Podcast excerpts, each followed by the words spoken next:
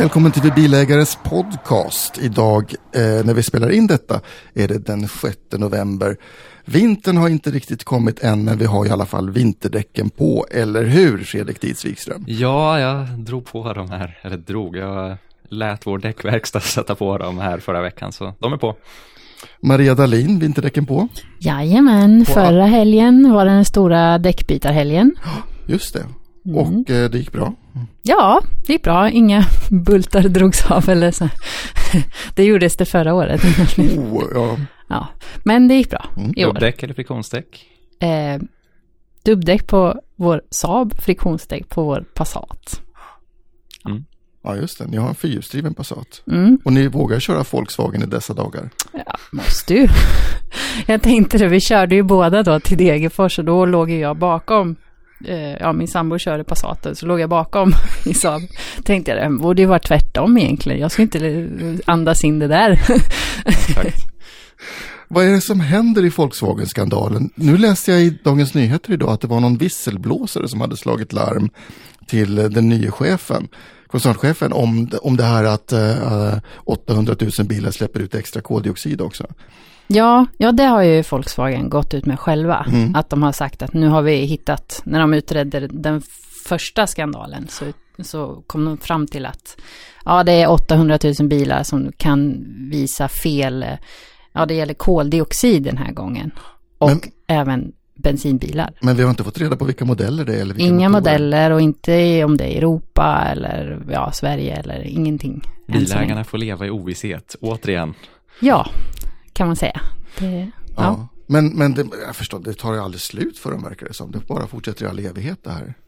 Nej, ja, på ett sätt är det väl kanske bra att de hittar, att de går ut och att de är ärliga med att ja, men nu hittar vi ett fel till.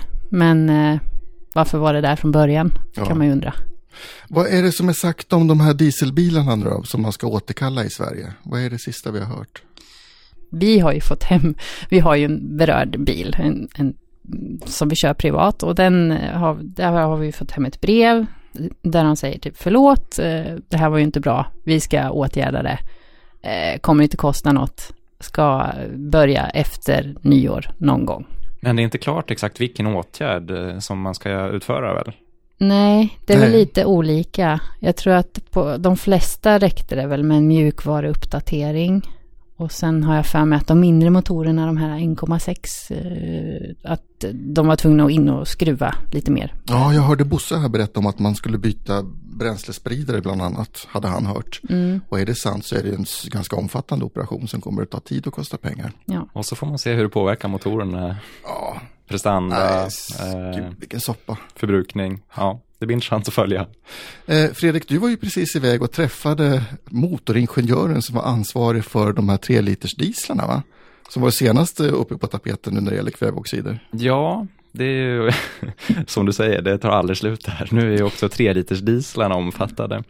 Eh, att de under test slår på någon slags avgasrening eh, och direkt när de rullar ut ur testmiljön så släpper de ut upp till nio gånger så mycket kväveoxider i det här fallet. Mm, det är amerikanska miljövårdsmyndigheten EPA som säger Precis. detta. Vad säger Volkswagen? De dementerar det här och eh, ja, det är ju väldigt intressant. De går ju verkligen emot EPA här. Så det är ord mot ord. Mm. Du pratade ju med han ingenjören, berätta vad han sa. Ja, han äh, säger att de ska göra en, en, eh, en undersökning om det här nu. Men han äh, hävdar bestämt att det finns inte den här äh, mjukvaran i i alla fall den bilen som jag körde senast, Audi Q7 E-tron, som är en laddhybrid där man har en elmotor i den och den här 3 liters dieseln. Han hävdade med bestämdhet att nej, det finns inte i den här bilen. Och vi får väl se, ord som mot ord som sagt. Vad märkligt att man väljer att ta fram en, en dieselbaserad laddhybrid. För den här måste ju vara tänkt för USA-marknaden också va? Ja, undrar om man eh, hade sån stor tilltro till sin dieselsatsning att eh, att man då vågar satsa på diesel. För diesel är ju inte bränslet eh, som traditionellt sett är huvudbränslet i USA eller Kina. Och att gå ut nu och sälja den där som en ny miljömodell måste ju vara jättesvårt alltså. Mm, tufft. Mm, ja, verkligen. ja, ja. Vi ska återkomma till Etron alldeles strax, men Maria, vad händer annars på nyhetsfronten?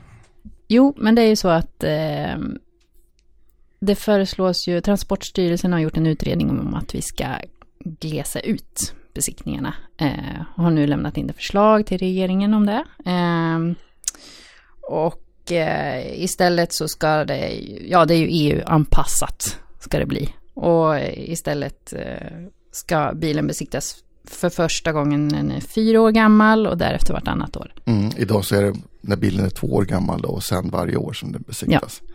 ja, jag tycker ju det här är bra. Äntligen får vi bilägare lite mindre krångel och har chans att spara lite pengar. Jag är lite mer tveksamt inställd till det här. Det här är en svensk institution som eh, främjar trafiksäkerheten. Jag ser en risk att det är några bilar med fel som kan slinka igenom och ja, vad får det för påverkan på trafiksäkerheten? Du är inte ensam Fredrik. NTFs generalsekreterare Marie Nordén säger i ett pressmeddelande att det här sker på bekostnad av den personliga säkerheten. Och eh, vdn för verkstädernas intresseorganisation Bo Eriksson, han säger att detta kommer att urholka nollvisionen. Det kanske är lite starka ord, men... Eh, Visst är det väl lite starka ord. Utredningen har ju tittat på det här och de har då jämfört med bland annat Norge och Danmark som har samma system då som vi kommer att få. Och där kan man inte se att eh, den här längre då tiden mellan besiktningar skulle göra att bilarna blir osäkrare eller farliga. Men de facto är det så, man sänker ju ribban i trafiksäkerhetsarbetet med en sån här förändring, så det det är ju är fakta. Ja, fast frågan är hur stor effekten blir.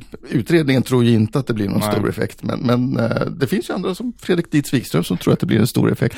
Ja. Men, men har Norge... Blir, men uh, ja. det blir en effekt, det tror jag garanterat. Men har Norge och Danmark, de, har de liksom deras fordonspark? Är den samma i ålder som uh, Sveriges är? För det är ju det de har sagt, de här Sveriges fordonsverkstäders förening att eh, Sverige har EUs femte äldsta vagnpark och att vi har mycket eh, det är mycket som sliter, snö, vinterväglag och salt. Desto större anledning att kontrollera ofta. Ja, ja jo, ja kanske. Men, men salta gör man ju i Danmark och Norge också. Och mm. jag tror att även Norge har väl ganska gamla bilar. Mm. Uh, och så. Men den som är allra mest kritisk mot detta, eller kanske mest intressant i sin kritik i alla fall, det är då Magnus Greco som är vd för besiktningsföretaget Opus. Han säger till Dagens Industri att det är rimligt att anta dubbla priser eftersom staten har lurat branschen att investera i det här. lite bitter låter han. Det låter, han låter lite bitter. Ja, det där tänker inte jag att betala dubbelt för, att de ska göra samma arbete Nej, du vet inte. Det tycker jag låter lite dumt faktiskt. Men det är intressant, för, för det här vart ju liksom då, det var ju, vart ju rena Klondike guldruschen på svenska besiktningsmarknaden när det här avreglerades. Och nu är det nio aktörer som jobbar i Sverige med att besikta bilar. Och plötsligt får de då se här att åh, våra vinster kommer att halveras framöver. Ja, de blir ju inte glada. Nej, men det kan man förstå. Det blir ändrade spelregler totalt. Ja, så vad ska vi göra? Ska vi förstatliga igen kanske? Ja. Back to bilprovningen, tack. Ja, men det var väl lite enklare när det var så. Ja, var det tycker det? jag också. Reglering är bra. Eh, Några mer nyheter på gång? Eh, ja, men eh, du Tommy har ju varit i Tokyo nyligen. Ja, jag har ju varit på bilsalongen där eh, förra veckan. Jag har fortfarande inte riktigt ställt om Nej. den inre klockan. Jag vaknade fyra i morse också. Du såg lite jetlaggad ut när du kom här i måndags. ja, um, jo men eh, bilsalongen i Tokyo, det handlade mycket om eh, elbilar, det handlade mycket om självkörande bilar. Och jag var ute på en spännande övning med Lexus som då har ett eh, självkörande projekt, typ det här som Volvo ska starta i Göteborg. Där man kör på så här stadsmotorvägar. Men stadsmotorvägar i Tokyo kanske är lite annorlunda än stadsmotorvägar i Göteborg, för det är en jäkla trafik kan jag säga. Mycket bilar, högt tempo och eh, att då sitta liksom och se hur föraren släpper ratten och, och man bara åker med i eh, den här lilla Lexusen som då bytte filer själv och körde liksom. Det var lite häftigt. Läskigt. Ja, så, så, Lexus håller på med självkörande i Tokyo ja, också? Ja, Toyota Lexus är ju samma. Ja. Liksom, så att det... För Nissan eh, släppte ju också något pressmeddelande om att de ska prova med, sin, med någon specialutrustad eh, Leaf. Mm. De satt massa kameror och sensorer och grejer på. Så ska de prova Så de, ja. Ja, det är många som håller på med, jag tror att det här blir nästa stora grej verkligen. Mm. Och nu säger japanerna, säger då 2020, att då kommer man kunna erbjuda det här kommersiellt, i alla fall till kunder i, i Tokyo. Mm. Kände du dig helt lugn där? Och... Ja, var du lite nervös? Nej, nej men jag kände mig, jag kände mig nog rätt lugn. Eh. Är det hade tog bilen stora säkerhetsmarginaler hela tiden eller hur, hur, hur tedde den sig? Nej, jag, det jag tänkte på för att den var faktiskt ganska snabb in liksom när den bytte fil och sånt där. Det, det var, kändes verkligen som att den kollade först hur det såg ut och när det var klart då bara svängde den in liksom. Hur snabbt körde ni? Ja, de, de följer ju hastighetsbegränsningarna till skillnad från vanliga människor. Så, så gör de oftast det. Bromskloss där. Ja, bromskloss i trafiken. Så de låg ju på, jag tror det var 70 Okay. 70 eller 80 km i timmen som var begränsningen där vi körde.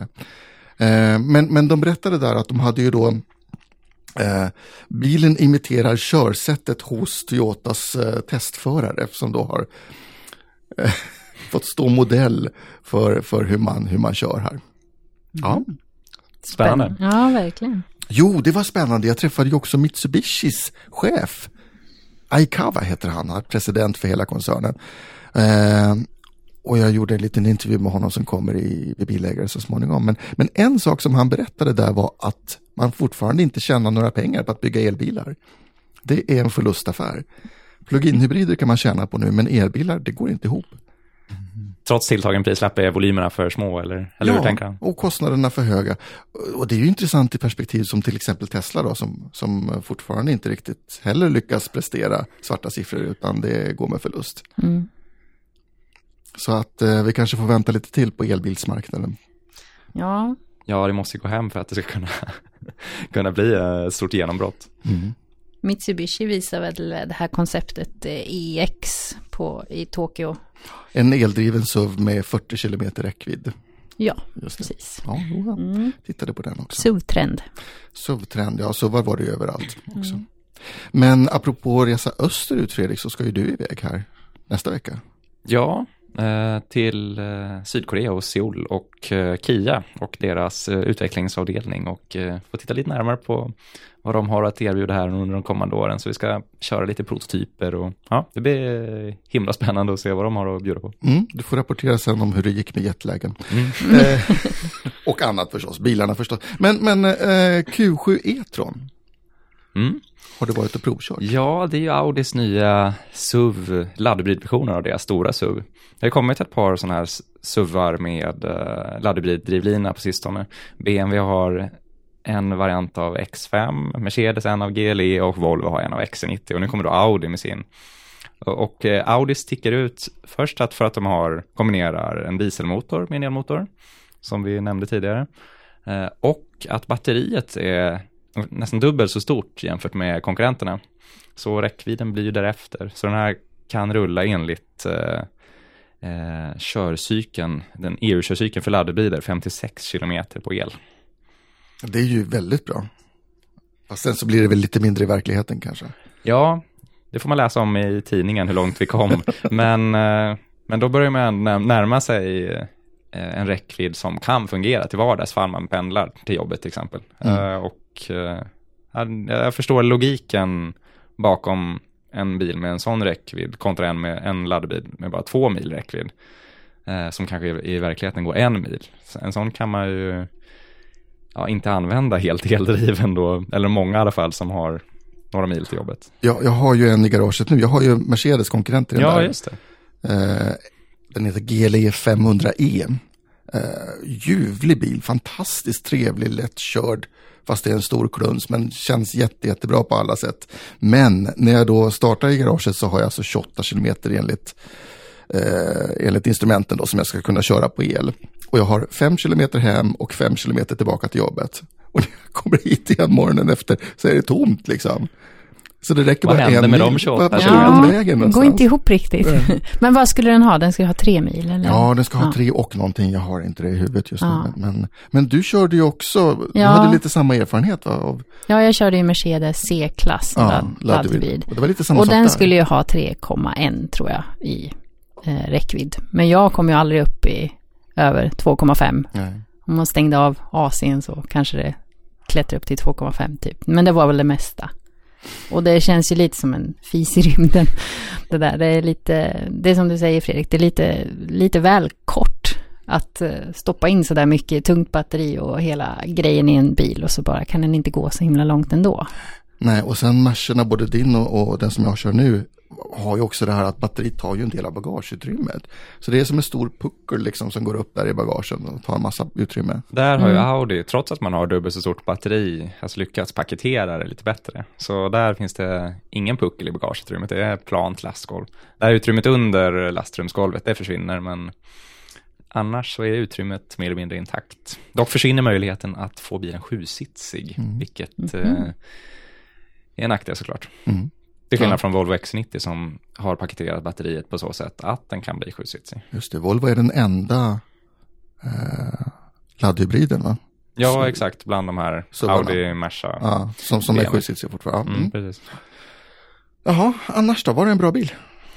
Ja, jättetrevlig att köra, hög komfort, utförandet jättebra, eh, smidig drivlina. Och vad kostar den?